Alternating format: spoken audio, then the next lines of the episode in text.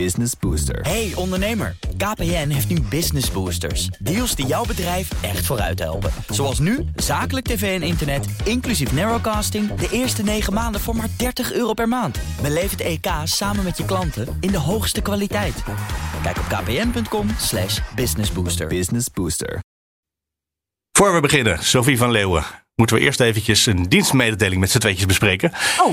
Uh, vanaf maandag krijg je in de podcastfeed van Nieuwsroom Den Haag, die nu alleen op vrijdag natuurlijk er is, elke dag een aflevering.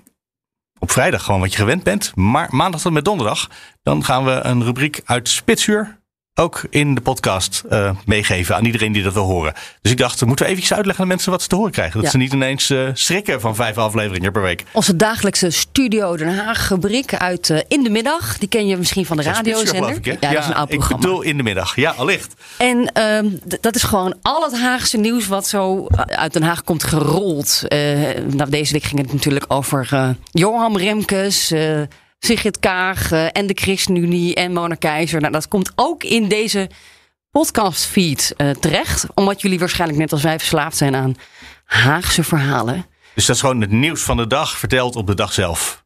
Ja, kun je allemaal, allemaal volgen via, nou ja, eigenlijk samen met Nieuws om Den Haag podcast. Ja, want op vrijdag is natuurlijk geen eh, Studio Den Haag bij in de middag. Dus dan, dan hebben we gewoon deze podcast nog. Dat blijft hetzelfde. Hoe lang duurt het ongeveer? Oh, dat is ongeveer een kwartiertje. En dan nou ja, ben je helemaal bijgepraat elke dag over het Haagse nieuws. Wat voor toestanden nu weer. Eh, de podcast is natuurlijk weer voor de diepgang en de goede gesprekken. Als je echt wil weten wat er gebeurt en aan de hand is achter de schermen. En wat je ervan moet Het vinden. gevoel van de wandelganger. Dat gaan we nu horen.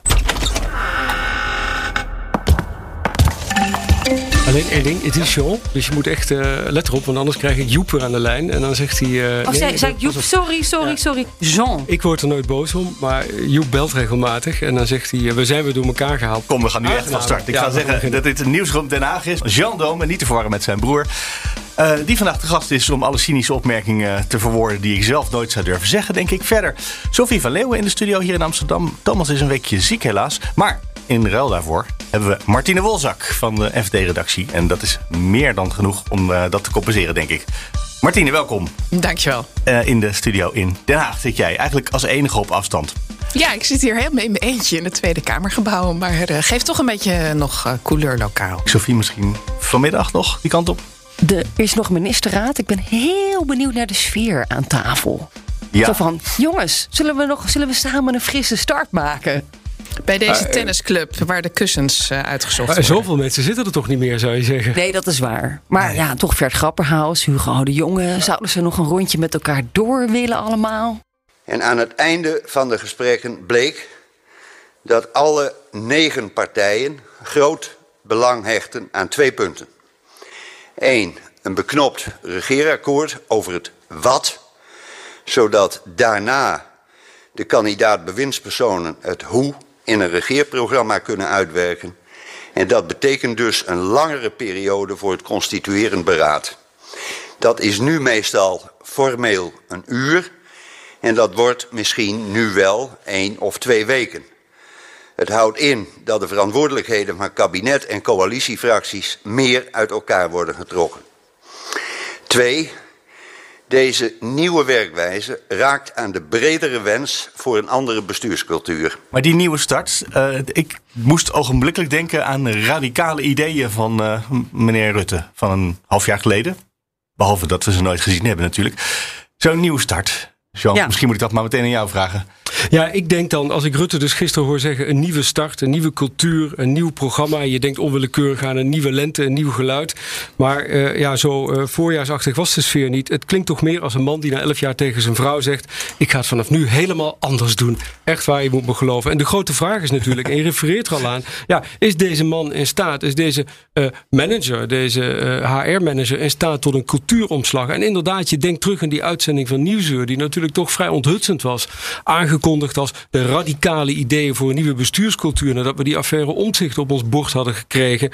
Maar ja, aan tafel... Ja, kwam er niet zoveel. Het bleef toch angstvallig stil. En hij zei, hij benadrukte nog: het is niet zo dat ik opeens dingen anders ga doen.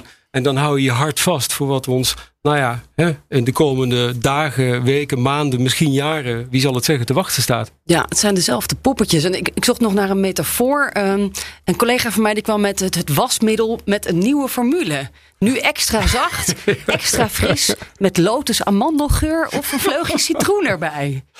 Nou ja, dat, dat is een beetje de smaak die wij in Den Haag hebben bij wat er deze week is gepresenteerd. Martine, je loopt nog niet zo heel erg lang mee in Den Haag. Wel heel lang in de journalistiek, maar niet in Den Haag. Uh, is jou het cynisme wat hier in de studio in, Amsterdam uh, toch wel een beetje de boventoon voert, uh, nog, nog bespaard gebleven tot nu toe?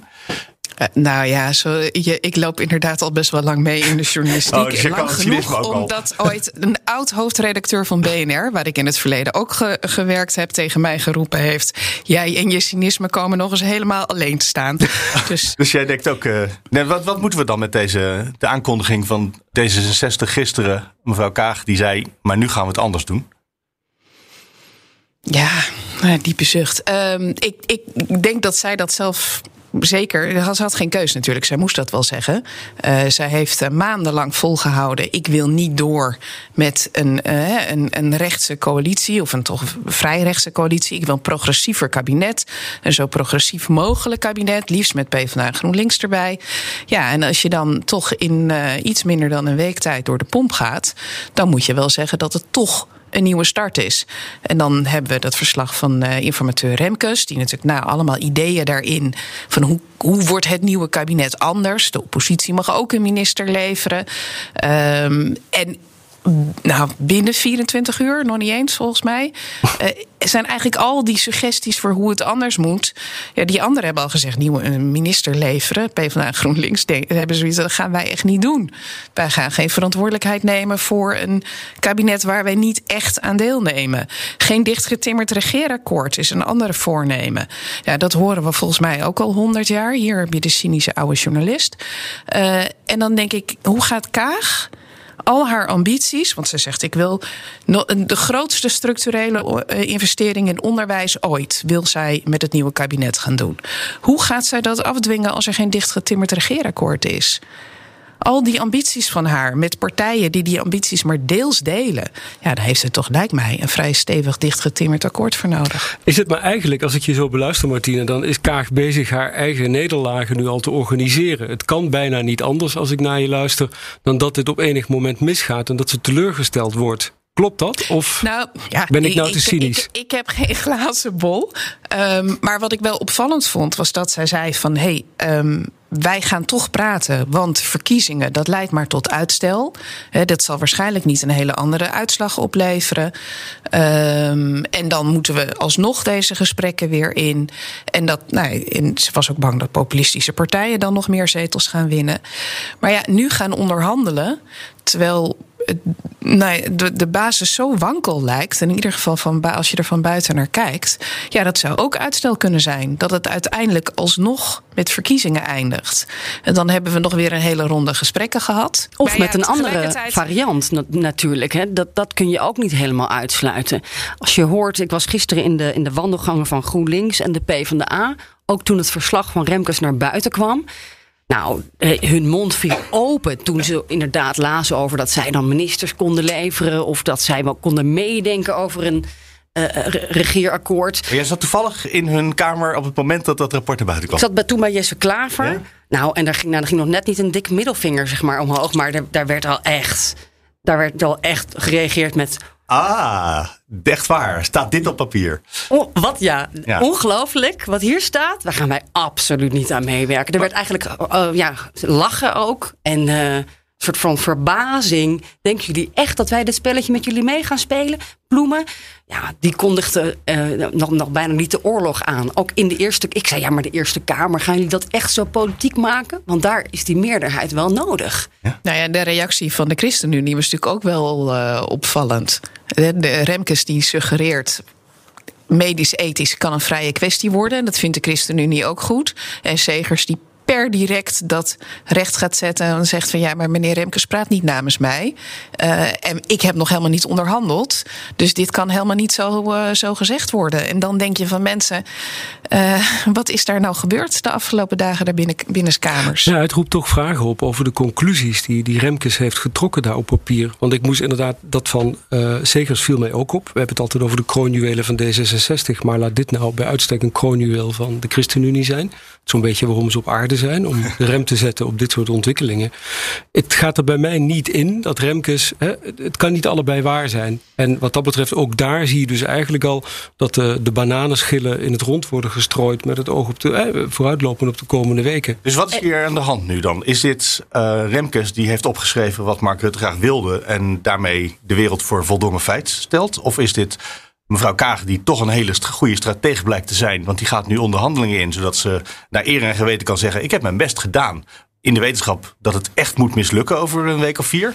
Uh, wat, wat nou, ik, ja, als, als ik daar één ding over mag zeggen over dat mislukken in de komende weken, dan ik moest terugdenken aan die, uh, die briljante uh, formatie uit 2012. Uh, dat geweldige verhaal. het kabinet van VVD en Partij van de Arbeid.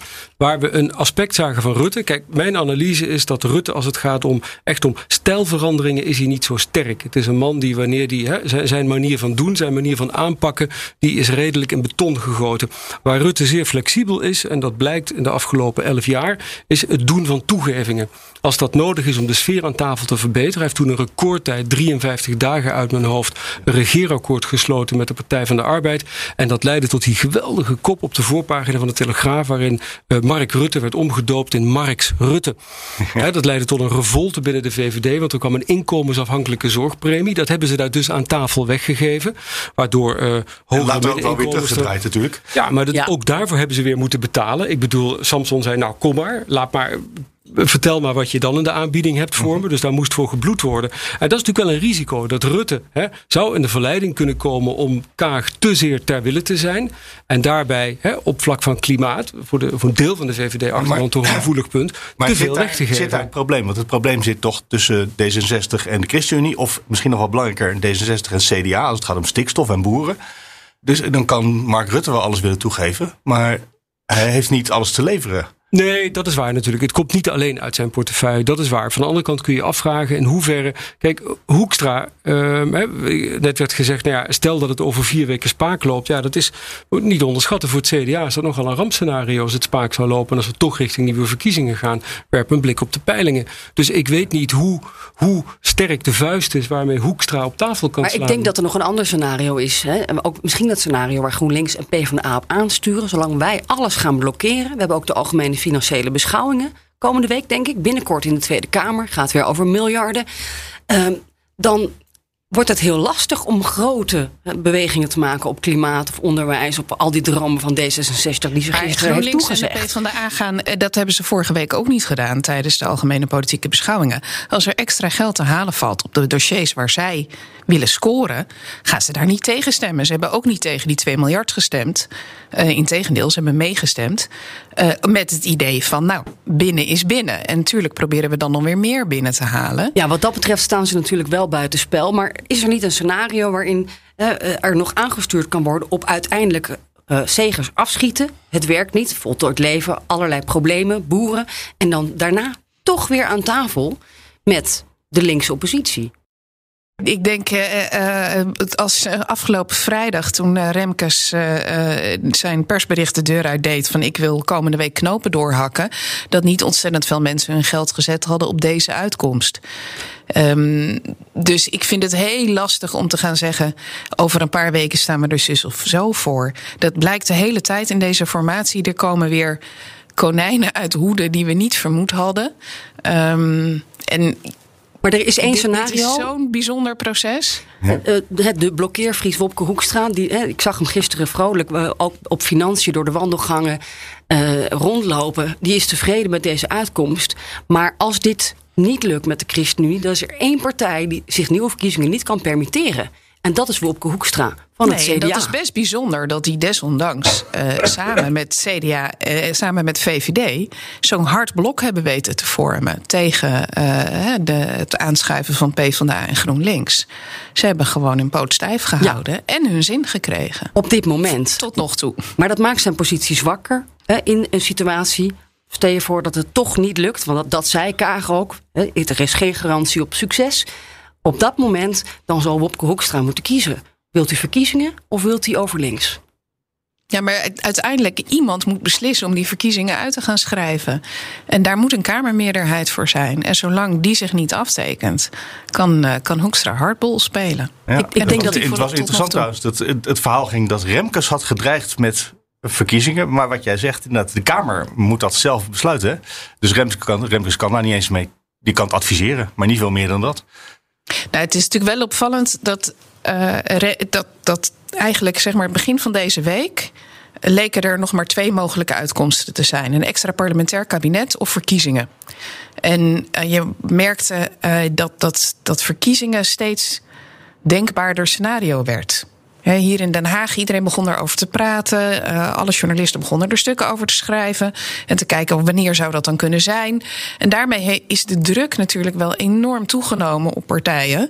Van ja, willen we dit vermijden, dan moeten we nu in beweging gaan komen.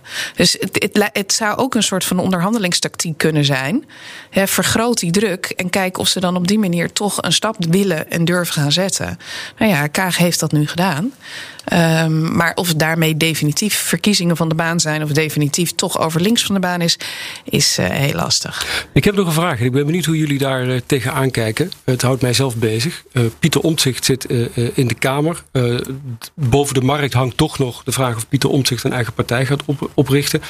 Mijn idee is van als het kabinet, hè, als, als deze formatiepoging heel snel stuk loopt. En er zouden nieuwe verkiezingen komen, dan wordt Omtzigt eigenlijk de pas afgesneden. Dan heeft hij de tijd niet om. eh, hij is er ook nog niet aan toe, heb ik het idee. Eh, eh, hij zit nu gewoon rustig in de Kamer. Op het moment dat het langer gaat duren, zegt dat dit een tussenkabinet wordt dat uiteindelijk na een half jaar of na drie kwart jaar ten val komt.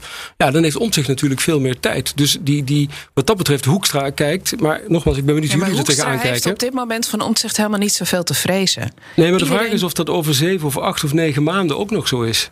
Nee, maar als je kijkt naar de kiezers die nu naar omzicht zouden lopen.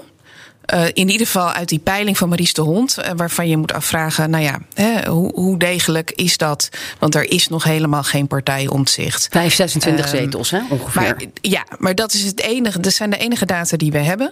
Eh, die zetels die kwamen niet bij het CDA vandaan. Het CDA is die zetels allemaal al lang kwijt. Die zitten nu bij, tenminste in de peilingen dan, hè? Die staan al op vijf, zes zetels. Mensen lopen naar de, de Boer-Burgerbeweging, naar de PVV, naar de VVD. Eh, dus het, het is niet Hoekstra die op dit moment het meest van omzicht te vrezen heeft. Maar in ieder geval zijn we het erover eens dat Hoekstra niet gebaat is bij verkiezingen op de. eh, Hoekstra is korte en middellange niet- nee, termijn. Ik bedoel, wat dat Nee. betreft, het, Nee. eh, de, de, zaak is, eerlijk- de zaak is zo ver opgeschud dat Hoekstra er belang bij heeft dat als het kabinet, als het er komt, dan moet het ook gewoon zo lang mogelijk blijven zitten, zodat hij een kans heeft om zich te herstellen. Eh, Ja. eh, En electoraal. intern eh, een beetje zaken op orde ook proberen te stellen. Dat zijn we met elkaar eens. Ja, de- Hoekstra heeft het meeste vrezen van de partijen die er nu zijn, eh, van de verkiezingen. D66 is wat weggezakt. Maar ja, dat ook weer niet zo dramatisch. Eh, en als ze een goede campagne neer zouden kunnen zetten. en ze hebben een stevig gevulde, verkiezing, gevulde verkiezingskas. Nou, wie weet. Eh, VVD lijkt ook niet heel veel te vrezen hebben van verkiezingen. PvdA en GroenLinks. Ja, marginaal, eh, plusje, minnetje. Hebben niet zoveel Ehm, te verliezen, hè, die twee. Op basis van de huidige peilingen niet. Maar je weet natuurlijk helemaal niet wat voor soort dynamiek er zou ontstaan. mocht het alsnog tot verkiezingen komen. Vergeet niet hè, dat Rutte natuurlijk zijn populariteit ook te danken heeft aan de coronacrisis. Want voor corona zag het er helemaal niet zo goed uit voor de VVD. Ah, dus nu we aan het einde van de crisis komen, zou het best eens eh, ook het einde van Rutte eh, kunnen zijn in de peilingen. Dat is waar ze eh, in de oppositiewandelgangen natuurlijk op hopen. Ja, dat, dat op een dag dat corona-effect dat dat weg-appt en dat er dan een heel ander speelveld ontstaat. En vergeet niet, hè, zojuist de overwinning van de SPD in Duitsland. De sociaaldemocratie is nog niet dood. dat zei uh, meneer Ascher, geloof ik, hè? Ja, die, uh, constateerde ja, dat, ja. die- die ik moest daar toch, ik moest daar, ja, ik moest daar toch een beetje om lachen. Want dus de eh, eh, ARD heeft een grote, eh, groot kiezersonderzoek gedaan op de avond van de verkiezingen. En er kwam één heel leuk gegeven uit. Namelijk dat eh, ja, heel veel kiezers hebben wel op Scholz gestemd. Maar het was eindelijk. Eigenlijk was dat ondanks het feit dat hij, dat hij SPD'er was. Dus ze zeiden, ja, als Scholz er niet was geweest, hadden we nooit op de SPD gestemd. Maar we dachten, we hebben gewoon, nou, dat is Duits, geen behoefte aan gedoe, geen experimenten. We hebben iemand nodig met een eh, betrouwbaar, uitgestreken gezicht, die Merkel zou kunnen opvolgen. En als hij van een andere partij was geweest, hadden ze waarschijnlijk ook op hem gestemd. Dus ik, wat dat betreft rekent Ascher zich misschien toch wel rijk. Ik had nog één losse gedachte over de VVD. Kijk, inderdaad, het is natuurlijk een interessante vraag. Hè? Ook, ook, ook voor de VVD eigenlijk. Veronderstel nu eens dat aan de houdbaarheid van Mark Rutte toch langzaam een einde aan het komen is. Dan is ook de VVD gebaat bij een ruime overgangsperiode. Hè? En, en, en niet bij een mislukking of een gang naar de kiezer in, in de komende weken of maanden. Een periode van een jaar, anderhalf jaar lijkt me toch wel minimaal nodig om iemand in ieder geval te positioneren die hem zou kunnen opvolgen met goed fatsoen. Die hebben we gezien hè, tijdens de vorige week algemene politieke beschouwingen. Sophie Hermans. Zou zij het zijn, Talent. denk je? Zou- Ja, zou zij, ja, dat zou kunnen. Zou ze het kunnen? Nou, Rutte heeft niet voor niks eh, een hele rits met vrouwen achter hem gezet op de lijst. Hè? Dus dan heb je dus Dylan Jezelgus, eh, Tamara van Ark stond op twee, is inmiddels weg. Eh, nou ja, Sophie Hermans, eh, Bente Bekkers. Het, het kan bijna niet anders dan dat het een vrouw Maar wordt. toch is dat natuurlijk wel, het is grappig dat je dit zegt. Want tegelijkertijd is dat het probleem van de VVD. Als het weer te lang duurt, dan verdwijnt Sophie Hermans ook via een of ander luikje in het grote eh, liberale zwarte gat. Waar we niemand uit zien terugkomen. Ja, af en wordt toe nog. directeur Nederland bij een grote multinational. Ja, en dan? Nou, misschien ten, tenzij we toch heel veel dualisme gaan invoeren. En zij dus het. het toonbeeld wordt van dualisme in de, in de nieuwe Tweede Kamer. Dat Ja, hebben we dan zijn we toch weer nog bij eh, witter, frisser, schoner, eh, nieuwe formule, een nieuwe Ja, bestuurscultuur. en haar woorden vorige week. Ik ben oprecht. Ik wil het anders.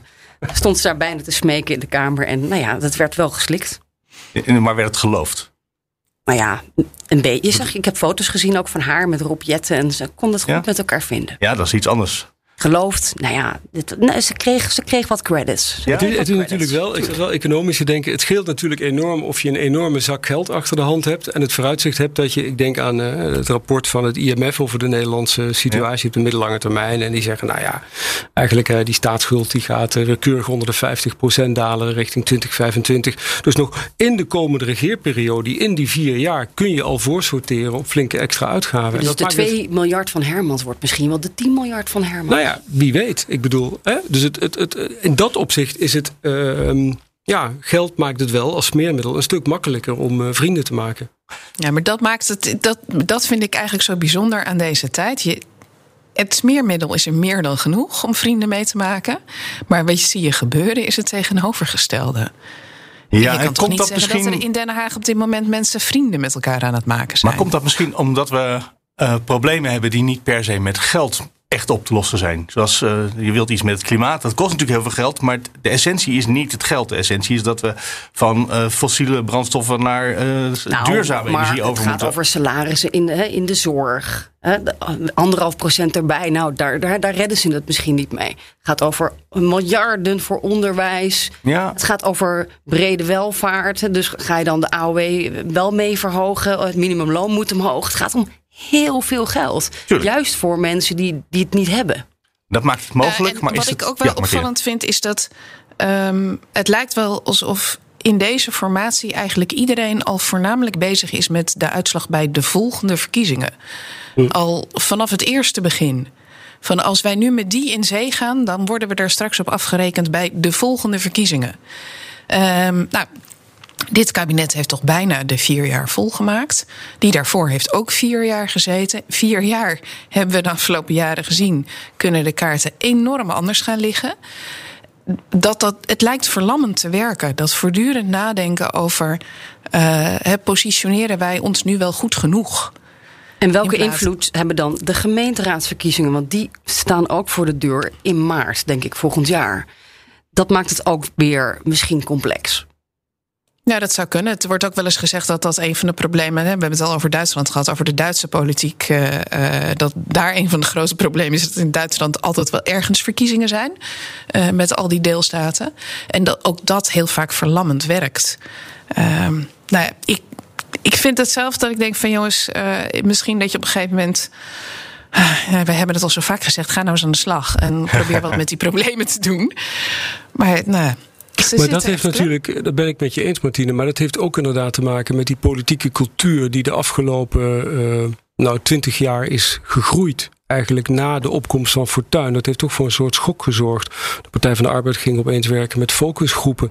Hè? Terwijl je zou zeggen, nou, als je een visie hebt, en die heeft de sociaal-democratische beweging wel, zou je kunnen veronderstellen. Ja, zou je dat niet moeten willen? Dan ben je niet bang om gewoon op basis van die rijke traditie en die visie en standpunt te betrekken en een visie op de maatschappij te etaleren. En wat je dus ziet, is dat men, als de dood is, hè, de peilingen worden in de gaten gehouden, men lijkt wel als de dood om een stelling te betrekken. En ik, maar ik spreek voor mezelf, ik heb behoefte aan een ander type politicus die zegt, luister, hier ben ik dit zijn mijn standpunten, u kunt het daarmee oneens zijn, maar dit is wat ik vind en dit is wat ik wil gaan aanpakken. In plaats van politici die zeggen, nou ja, kijk, we gaan eerst eens even een rondje met elkaar praten en dan zullen we zien of we eruit komen. Er zijn natuurlijk verschillen, een onsje meer, onsje minder, bla bla bla bla bla. Ja, en, zie, nou, zie je als je het heel specifiek over, over deze verkiezingen hebt, en dat, dat is volgens mij ook wel vaker gezegd, dat in aanloop naar de verkiezingen waren de tegenstellingen eigenlijk een beetje weggevlakt door corona hè, en mhm. door de crisis.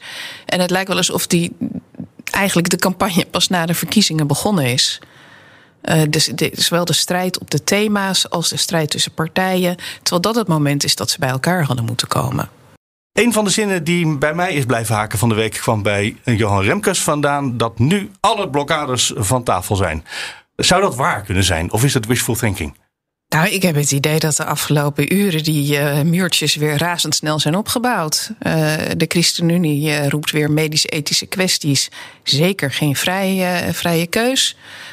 GroenLinks en PvdA zeggen wij gaan gewoon de oppositie in. dus nee, ik heb niet het idee dat alle blokkades van tafel zijn. Waarom zegt de man het dan? Is dat om ons een beetje gerust te stellen? Ja, dan moet je aan hem vragen. Nou, dan, ja, die, hij is nu even hier niet, dus ik probeer het met jullie. Anders is de vraag stellen soms ook goed genoeg. Ja, of Sophie en Jean daar een filosofie bij hebben. Maar, uh... Nou, hij heeft ook gezegd dat dit was echt de allerlaatste, uiterste mogelijkheid eh, om nieuwe verkiezingen te voorkomen. Dus ja. Uh, Wat ook feitelijk natuurlijk niet waar is. Nou ja, dat, dat hij moet iets zeggen. Maar um, nee, natuurlijk zijn alle blokkades niet opgeheven.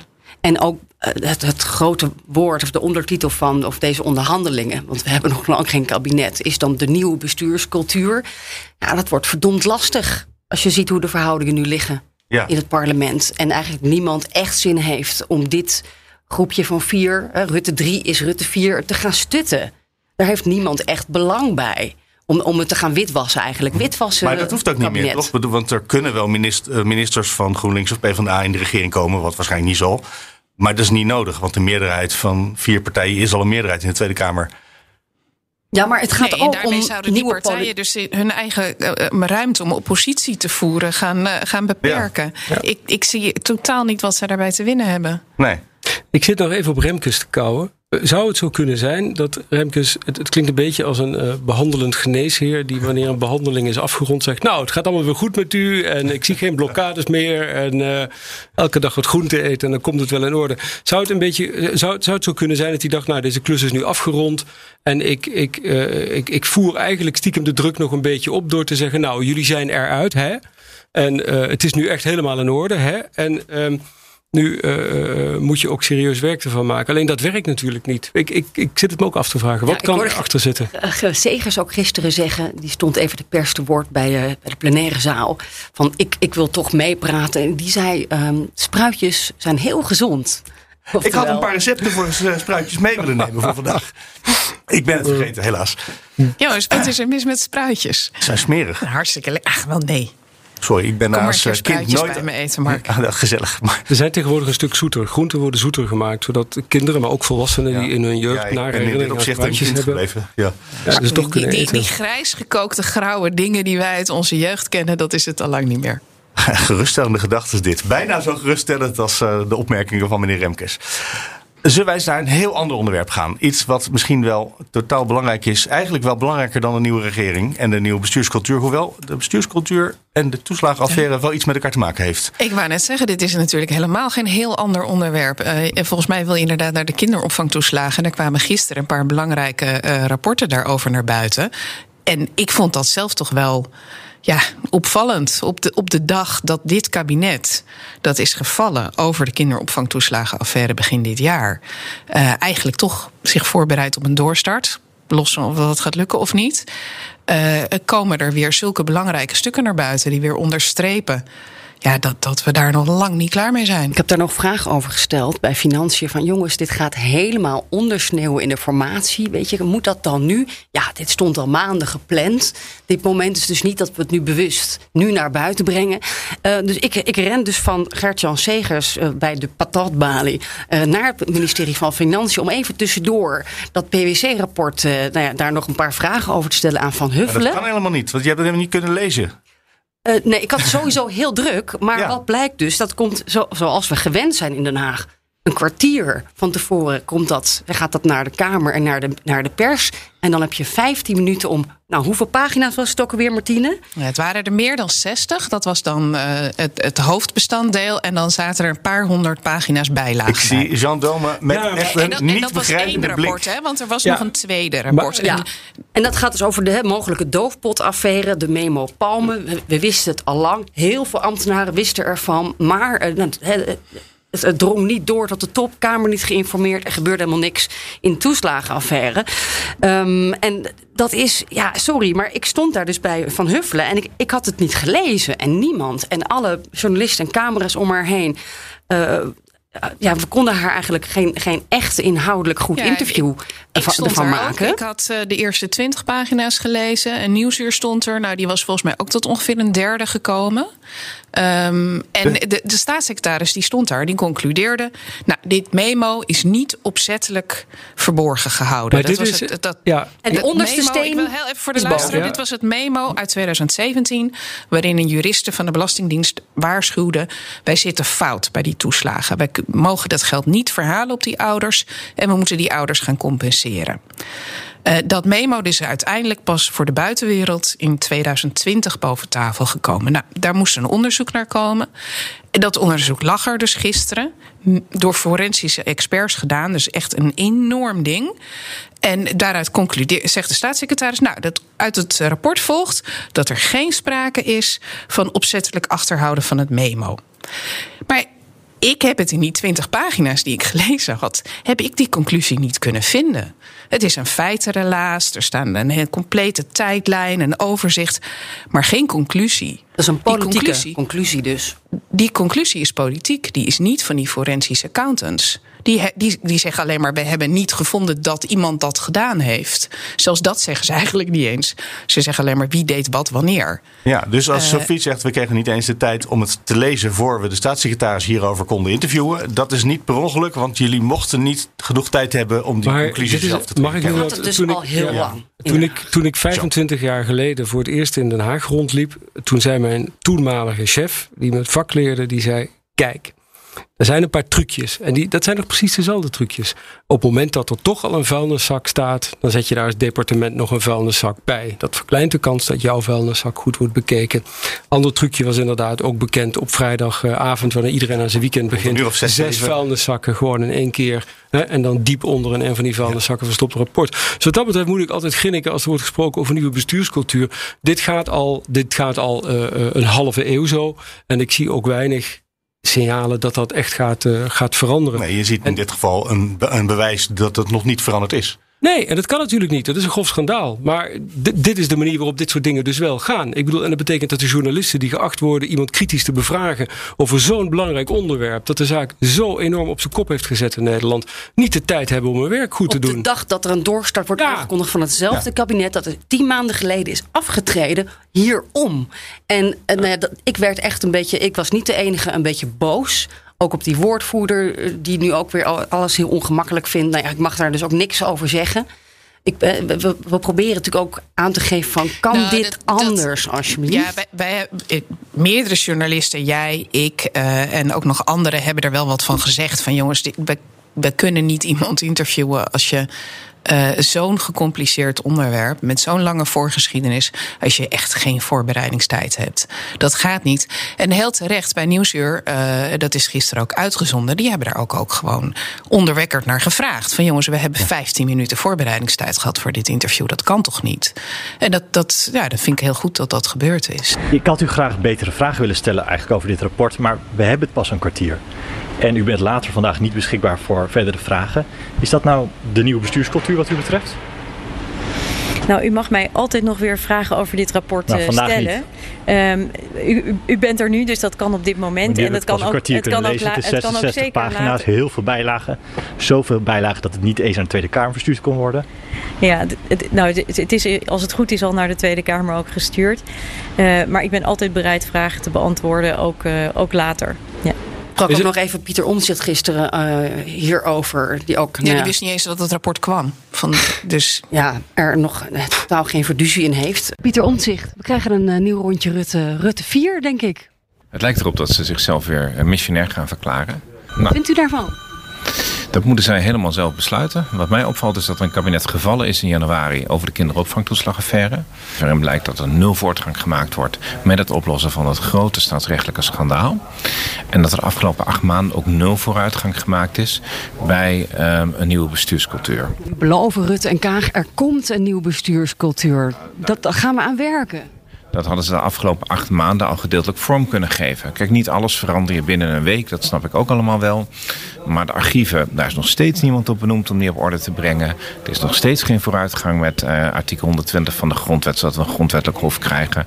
Er is nog steeds geen vooruitgang met onafhankelijk onderzoek naar overheidshandelen.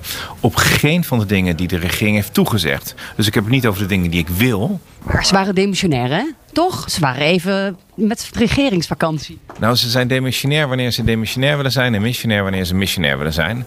En ik moet zeggen, het shopgedrag daar is erger dan het shopgedrag van een gemiddelde puber. Um, um, ze gebruiken het demissionair zijn wanneer het hun uitkomt. Het, het, het rechtzetten van de bestuurscultuur was een wens van de hele Kamer... en een conclusie van de hele van de regering zelf ook. Eigenlijk de, de, de radicale idee van Rutte... dat we daar dus tien maanden niks van hebben gezien Gaan we er iets van zien uh, met hetzelfde poppetjes in een doorstart van Rutte 4? Weinig verduzie in. Ja. En dan heb je, mag ik daar toch wat, ik, uh, laat ik een poging doen tot nog wat reflecteren over langere termijn. Want wat, je hebt dus dit, hè, concreet die bestuurscultuur. En dan heb je ook nog de houding tegenover de burger. En wat dat betreft zie je eigenlijk een zorgelijke lijn die, al die een jaar of twintig geleden is ingezet. Het, was, het waren de kabinetten Balkenende die uh, de aanval opende op de gedoogcultuur. Waarbij de burger moest dus niet meer het voordeel van de twijfel krijgen. We gingen regels precies handhaven. We gingen op de, op de, naar de letter van de wet gingen we burgers tegemoet treden. Dat is een beetje waar twintig jaar geleden mee begon, zoals ik het zie. Dus uh, niet meer het voordeel van de twijfel. En daarvoor zat natuurlijk eigenlijk ook al die, die, die geluiden over de jacht op uitkeringsfraudeurs. Maar dat was allemaal nog minder gesofisticeerd dan het later zou worden. Nou, wat je ziet na Balken kwam Rutte. Kwam er nog een laag bij die uiteindelijk ontspoorde in die opmerkingen in de marge van die rapporten met afpakjesdag. Je ziet dat dat eigenlijk een soort offensieve turbo op die houding komt te staan. Ik vind het lastig om het goed onder woorden te brengen, maar ik zie daar een lijn in waarin eigenlijk de, de, de Rijksoverheid zich steeds meer permitteert tegenover die burger. En dat spreekt een diep wantrouwen uit. Eerst is dat van ja, maar dit zijn de regels en daar hou je nu aan. Want het is slecht voor het land als we burgers niet goed drillen. Want je zou kunnen denken dat regels misschien voor meerderlei uitleg vatbaar zijn. Ja, dat is één stap geweest. En vervolgens zie je dat er met een, met een heel apparaat ook mensen heel diep in de problemen worden gebracht. op het moment dat ze zich in de, in de ogen van die overheid niet aan de regels houden. En ondertussen kleed je de rechtsbescherming uit voor de meest zwakke mensen, zodat ze zich ook niet meer kunnen verdedigen daartegen. Ja. daartegen. Als ik nog iets mag zeggen ook over, ja. over dat, uh, dat rapport over die memo. Er blijft nu toch weer een zweem van nou, verdenkingen rondom dat memo hangen. Terwijl misschien als wij dat rapport wel goed hadden kunnen bestuderen, dat we als journalisten hadden geconcludeerd van jongens. Er is echt geen enkel bewijs of aanwijzing voor een doofpotaffaire. Maar doordat je die tijd niet hebt, ga je inderdaad ook een beetje zitten denken van nou dat zal dan wel expres zijn. Want er zal wel iets in staan of iets niet in staan. Um, terwijl er wordt een soort ultieme transparantie eigenlijk beoogd met dat rapport. Het is echt gigantisch. Uh, en het tegenovergestelde wordt bereikt. Ja, goed en dat punt. is ook ook een beetje een gevolg van hoe de Kamer het zelf aanpakt. Dus door maar eindeloos documenten op te blijven vragen en op ieder detail in te zoomen en nog meer op te vragen, er is een soort suggestie dat er altijd nog wel iets verstopt zal zijn. En daarmee wordt ook, als ik zie hoeveel werk er in, in deze, dit onderzoek naar die ene memo gestoken is.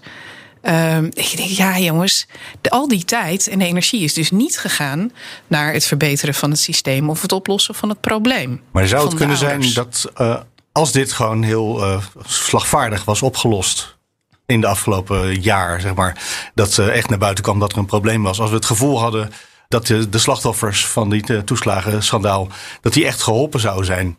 Zouden we dan ook naar zo'n memo gekeken hebben, zo gedetailleerd als nu?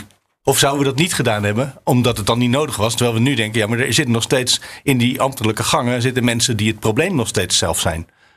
Kijk, als uh, die memo destijds meteen goed was opgepikt en al die interne signalen destijds goed waren opgepikt, was het hopelijk niet zo uit de hand gelopen als het nu uit de hand is gelopen. En nu zitten we in een situatie waar, uh, als we kijken hoe snel het nu gaat, ik geloof, uh, zijn er iets van 4000 mensen geholpen, geloof ik, de afgelopen periode, dan zijn we nog tien jaar bezig om die schade te vergoeden, om het uit te zoeken per persoon wat is er misgegaan en waar heb je recht op? Dat moeten mensen soms nog jarenlang wachten. Ja. en we gaan ook geheid nog weer komen in de fase waar we erachter komen dat er allemaal mensen geld gekregen hebben die daar geen recht op hadden. Um, en nu kan het niet anders meer. Het is zo groot geworden, het is zo complex, zo ingewikkeld dat om de mensen te helpen die de hulp echt nodig hebben, er waarschijnlijk nu ook geld gaat naar mensen die dat nou niet zo hard nodig hebben. Toch vind ik, ik die discussie over dat memo, vind ik, dat is eigenlijk vooral een symbool van, van het wantrouwen dat is ontstaan. En uh, ja, inderdaad, was dat wantrouwen niet ontstaan, dan, dan had je waarschijnlijk deze hele exercitie niet op die manier nodig gehad. Maar het is een, het is een bewijs eigenlijk dat uh, nou, hoe, diep, hoe diep het wantrouwen zit. En dan, dan krijg je dus dit soort op het oog misschien of achteraf misschien overbodige exercitie. Ja. Kan dan het nieuwe elan en de, al die beloftes van een nieuwe start, kan dat ook ons wantrouwen herstellen? Want wij zijn dus ook onderdeel in die zin van het probleem. De journalisten vertrouwen het politieke systeem ja, de toon in deze podcast vandaag is ook uh, cynisch. Uh, maar dat is een hele goede vraag, Sofie. Ja, ik, ik durf het niet te zeggen. Ik denk dat er, uh, ik denk dat hier jaren en jaren overheen gaan voordat je daar moet je echt lang aan gaan werken om dat vertrouwen te herstellen. Ik zie bijvoorbeeld van de week had meneer Rutte met een andere collega even gebeld om te vragen: kunnen we een minister ontslaan? Die was het, Keizer. En ja, dat bijna is eigenlijk... vergeten. Ja, dat hebben we ook nog meegemaakt. Ja, het was vorig weekend op zondag. Uh, en dat is niet de procedure, want de wet zegt uh, dat moet in de ministerraad besproken worden. En dat is eigenlijk redelijk helder. En dan heb je op dat ogenblik geldt de wet niet voor de politiek. Zo'n soort gevoel kreeg ik daarbij, want Mark Rutte zei: nee hoor. We hebben in lijn met de gedachte van die wet hebben we gewoon overleg gehad. En uh, nou ja, we horen het wel als er problemen zijn, stuur maar maar naar huis, zei hij bijna in de discussie die daarover was in de Tweede Kamer. Dat is natuurlijk als je dan die, die toeslagenwetten zo ongelooflijk rigide en keihard uitvoert. En dan dit daar tegenover zet. En zegt ja, maar voor mij gelden wetten niet per se. Uh, dat, dat helpt, uh, nou, mij helpt het niet met het uh, vergroten van vertrouwen. Het, het, zorgelijke zou je kunnen zeggen, is dat Rutte eigenlijk zegt: Nou, Tweede Kamer, als je het er niet mee eens bent, dan trek je maar aan de bel. En, en wat ik denk, uiteindelijk zie je dat. Nou ja, goed, dat gebeurt dus niet. Ik bedoel, het, het, de Kamer uiteindelijk accepteert dat. Komt het dualisme weer om de hoek kijken? Ja, maar jongens, ik, ik heb hier ook wel weer een beetje moeite mee. Want aan de ene kant zeggen we: hey, uh, menselijke maat, doe niet zo formeel juridisch. en, aan de an, uh, en aan de andere kant gaan wij nu heel erg formeel juridisch doen tegen Mark Rutte. Ja, maar ik vind het toch een verschil want, of je. Want, ja, maar Martien, ik vind het toch een verschil of je, of je uh, het, uh, gedogen, gedogen toepast op het staatsrecht of op uh, verkeersovertredingen en de vraag of iemand boodschappen krijgt van zijn moeder wanneer hij een uitkering heeft. Nou ja, dan was ze misschien maandagochtend ontslagen. Ja, ja. ik denk dat het nou ja, dat is waar. materieel niet veel veranderd nee. had. Dus ja, dit, ik had ook wel dat, dat vind ik nou echt een beetje. Ja, volgens mij is er, was er in de ministerraad absoluut geen meningsverschil over dat dit niet langer zo kon misschien wel een meningsverschil over de inhoud van het betoog van Mona Keizer. En er zijn meer mensen in de ministerraad die moeite hebben met de coronapas en uh, de prijs die ondernemers betalen voor het coronabeleid. Um, maar dat je dat op zaterdag op de voorpagina van de Telegraaf uitvendt. Op de dag dat die pas breed wordt ingevoerd overal. Ik denk dat daar nauwelijks discussie over, over zou zijn geweest. Dan kan je op het formele standpunt gaan staan dat de ministerraad bijeen had moeten komen en het op die manier had moeten doen. Nou ja, in de categorie hoofd- en bijzaken zou ik zeggen: dit is een bijzaak. Wat ik zelf meer een hoofdzaak vond en eigenlijk veel spannender was, uh, maandagochtend gaat Keizer weg bij het CDA en wordt het CDA een instabiele partij. En dan hadden we hier vandaag misschien ook niet gestaan met uh, Rutte 3 is Rutte 4. Nee, dan had je nog maar 76 zetels over gehad. En dan was het heel smal. Heel erg wankel geworden. Want ja, als er één gaat, wie is de volgende? Maar goed, dat is niet gebeurd. Dus het is uh, totaal anders gelopen deze week dan we nee, vorig weekend dachten. hadden we ook nog het verhaal over de beveiliging voor Mark Rutte. Omdat hij uh, bedreigd zou worden vanuit uh, de Mokro-maffia. Uh, zijn we ook alweer bijna vergeten, geloof ik. Uh, was, het, het was een. Uh, en natuurlijk de spin vanuit D66 over de borrels van, van Remkes. Maar over cynisme gesproken. Hè? En nou ja, dat de hele discussie over spin moet toch eigenlijk niet meer kunnen. En we moeten daar niet meer aan meedoen. En journalisten moeten zich dat niet laten influisteren. En je nou even vanochtend de kranten open. En dan bijna overal staat dat Kaag het nieuwe kabinet vergeleken heeft met een tennisclub. En dat ze gevraagd had van...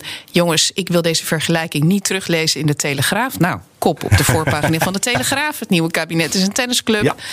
Ja. Um, Oftewel. En het AD weten te melden dat Kaag tijdens de formatie... op haar iPad kussens heeft gekocht. Um, ja... Ik, zag wat En, ik, ik ja. weet niet of je ons dan cynisme moet gaan Nee, verwijten. Wat ik mooi vond in NRC Handelsblad stond een geweldige zin. Die, daar werd een anonieme spindokter opgevoerd over de praktijk van spindokters aan het Binnenhof. Ik denk, die zin moet je even op je tong proeven, Ja, twee keer lezen. meta. En dan, dat Ja. zegt eigenlijk alles. En ja, goed. Het, weet je, het, het, het zou meer om de inhoud moeten gaan en, en niet om dit soort dingen. Toch? Daar zijn we Nee, nou, eens. maar wat is dan de reden dat ze bij D66 dachten... we moeten het eens hebben over de borrels van meneer Remkes? Want erg, ergens hebben ze daar, als er drie mensen over gesproken hebben... twee voorlichters en nog een eh, Kamerlid, als ik het goed begreep... ergens moet daar in een vergadering bedacht zijn... dat is een goed idee, dat gaan we naar buiten brengen. Nou, ergens, ergens is bedacht, dat is een goed idee. En ergens was ook de en ergens behoefte heeft om... iemand bedacht dat, dat er gemeld moest worden... dat Kaag shopt voor kussens. En, Ja, eh, nou precies. ja. Maar eh, wat is dan... En ik, ik weet niet waar, wat de bron was van eh, de kussenonthulling... maar Nee, dat stond er dus niet bij. En dat Nee, vond ik is ook weer bij een de NOS anonieme bron, dus, he- dus heel netjes. De NOS heeft juist eh, dat, dat D66 dat verhaal over die borrels de wereld in heeft gebracht. Aha. Niet gezegd van. eh, en volgens ingewijden had Remkes eh, een borrel te veel op. Nee, die hebben gewoon opgeschreven volgens bronnen bij D66. Ja. Dat je in ieder geval enigszins als lezer kunt herleiden. waar komt dit nou vandaan? Maar, maar, maar dat wat is er in de hoofden van die mensen bij reconstructies die je dan D66 vandaag leest weer gebeurd? Wat, wat, wilde, wat zouden ze hebben kunnen willen bereiken met zo'n zinloze mededeling? Ja, maar dan ga je weer speculeren over wat er gebeurt in het hoofd van ik leg iemand anders. Ja. D66 even op de Nou, divan. Beschadigen, op de, beschadigen Ja. het proces, beschadigen mensen. Zodat, ja, ik, ik begrijp ook niet hoe ze dan Maar het dachten zou dat, niet dat werken, zij. toch? Ik zie niet welk effect het had kunnen hebben... wat positief was voor wie dan ook. Nou, we kunnen in ieder geval concluderen dat het dus onverstandig was. om Ja, dat te doen. sowieso. En niet netjes, maar het... eh nou Nou ja, ja, waar het denk ik mis is gegaan. Maar, maar dit is allemaal wel heel erg speculeren, jongens. Maar Ja. kijk, wat, wat er ontzettend veel gebeurt met reconstructies zijn ontzettend in de mode. Iedereen reconstrueert alles. Mhm. En dan wordt er altijd gevraagd naar eh, wat werd er gegeten, hoeveel werd er gedronken, wie zat waar, eh, wie ging er met wie een ommetje maken. En dat wordt meestal opgeschreven alsof ja, iemand, de, de, hè, de auteur van zo'n reconstructie, een fly on the wall is die mee heeft kunnen kijken. Dus iedereen die, die geeft zijn details. Nou, zoals vandaag wordt er dan over de kussens en de tennisclub verhaald, zonder dat erbij staat wie dat verteld heeft aan de journalist. En vervolgens als- gaat het alleen de- nog maar over de details. Ja. En dan ontspoort het hele debat eigenlijk. Want Dus het ging op niet om zich die zou borrel. de aanname niet heel raar zijn geweest dat dit een detail had kunnen zijn in een reconstructie van een licht aangeschoten Remkes. maar ja. ja. het ging mis doordat de NOS daar niet aan meegedaan heeft en gewoon heeft opgeschreven D66 zegt. En, maar ja, ja, dit is allemaal weer speculatie. Hè? En eigenlijk zijn we dan nu zelf aan het doen wat er. wat je nu net beschrijft, wat je niet Ja. wilt. Ja. Nee, precies. Nou, je bent allemaal motieven aan volgehouden. mensen aan het toedichten eh, zonder dat je kijkt naar de onderliggende. Ik eh, Wij- vind dit eh, heel goed hoor, Sherlock. Ik denk dat dit echt wel zo zou kunnen zijn gegaan. En wij willen een nieuwe politieke cultuurmarkt. Wij willen een nieuwe start, een nieuw elan. Ja, Dus elan niet meer hierover praten. Nou, we hebben het bijna de hele Mark. podcast volgehouden vandaag. In de laatste minuten zijn we ontspoord. Ehm ja, daar kan ik, sorry, dat is, zo is het vandaag gegaan. Ik kan het niet meer terugdraaien, denk ik nog. Ik ben wel benieuwd waar we het volgende week wel weer over gaan hebben in deze podcast. Oh ja, als je, Ja, volgende week hebben we de algemene financiële beschouwingen. Dus we kunnen het over geld kunnen we het gaan hebben. Eh, een formatiedebat natuurlijk. Ja, en hoe gedraagt de oppositie zich? Zouden ze nu eindelijk een keertje het rapport van de informateur gaan bespreken in de Tweede Kamer? Want dat is tot nu toe eigenlijk in de ja, afgelopen gesprekken. als het goed is toch? Nee, Dacht maar er, er wordt echt van alles wordt er een verwijt Oh, ja. uitgewisseld. Maar het gaat nooit over wat er op papier stond. En wat mevrouw Hamer of wat meneer Cenk Willink eh, zei. Ja, en ook wel benieuwd hoe wat de ChristenUnie gaat doen. Zijn ze dan volgende week toch weer in de coalitie met de algemene financiële beschouwingen? Of, of gaan ze dan toch weer een beetje uit de coalitie gaan? Ja, dat gaan is die zich waar. nou de heel anders ChristenUnie had zich een beetje afge- eh, afgezonderd. Maar die gaan nu toch weer met de regering mee. Dus die hebben een nieuwe positie ineens. Ja, ik ben, nou ja, dat was eigenlijk tijdens de politieke beschouwingen hadden we al Ja? de conclusie: oh, de coalitie leeft weer. Want die was eigenlijk een paar weken dood. En eh, nou ja, we zullen zien waar ze volgende week mee komen. En wat hun spel zal zijn. Ik denk dat dat wel heel erg leuk wordt om naar te kijken. Politieke spelletjes. En ik denk wat jullie net zeiden van. Eh, Er zijn heel veel dingen gebeurd afgelopen week die we zeven dagen geleden niet voor mogelijk hadden gehouden. Dus ik eh, denk dat die podcast wel volkomt hoor. Oh, ik maak me over de podcast geen zorgen.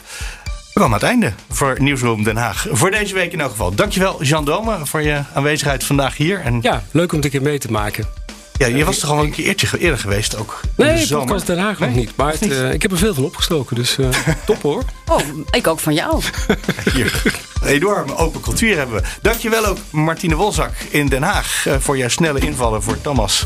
En fijn ook weer dat jij er was. Sophie van Leeuwen. Ik ben Mark Beekhuis. Volgende week dus. We hebben het al eigenlijk al half doorgenomen.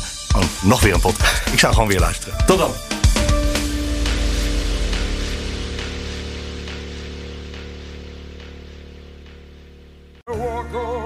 Hardlopen, dat is goed voor je. En Nationale Nederlanden helpt je daar graag bij. Bijvoorbeeld met onze digitale NN Running Coach... die antwoord geeft op al je hardloopvragen. Dus, kom ook in beweging. Onze support heb je. Kijk op nn.nl slash hardlopen.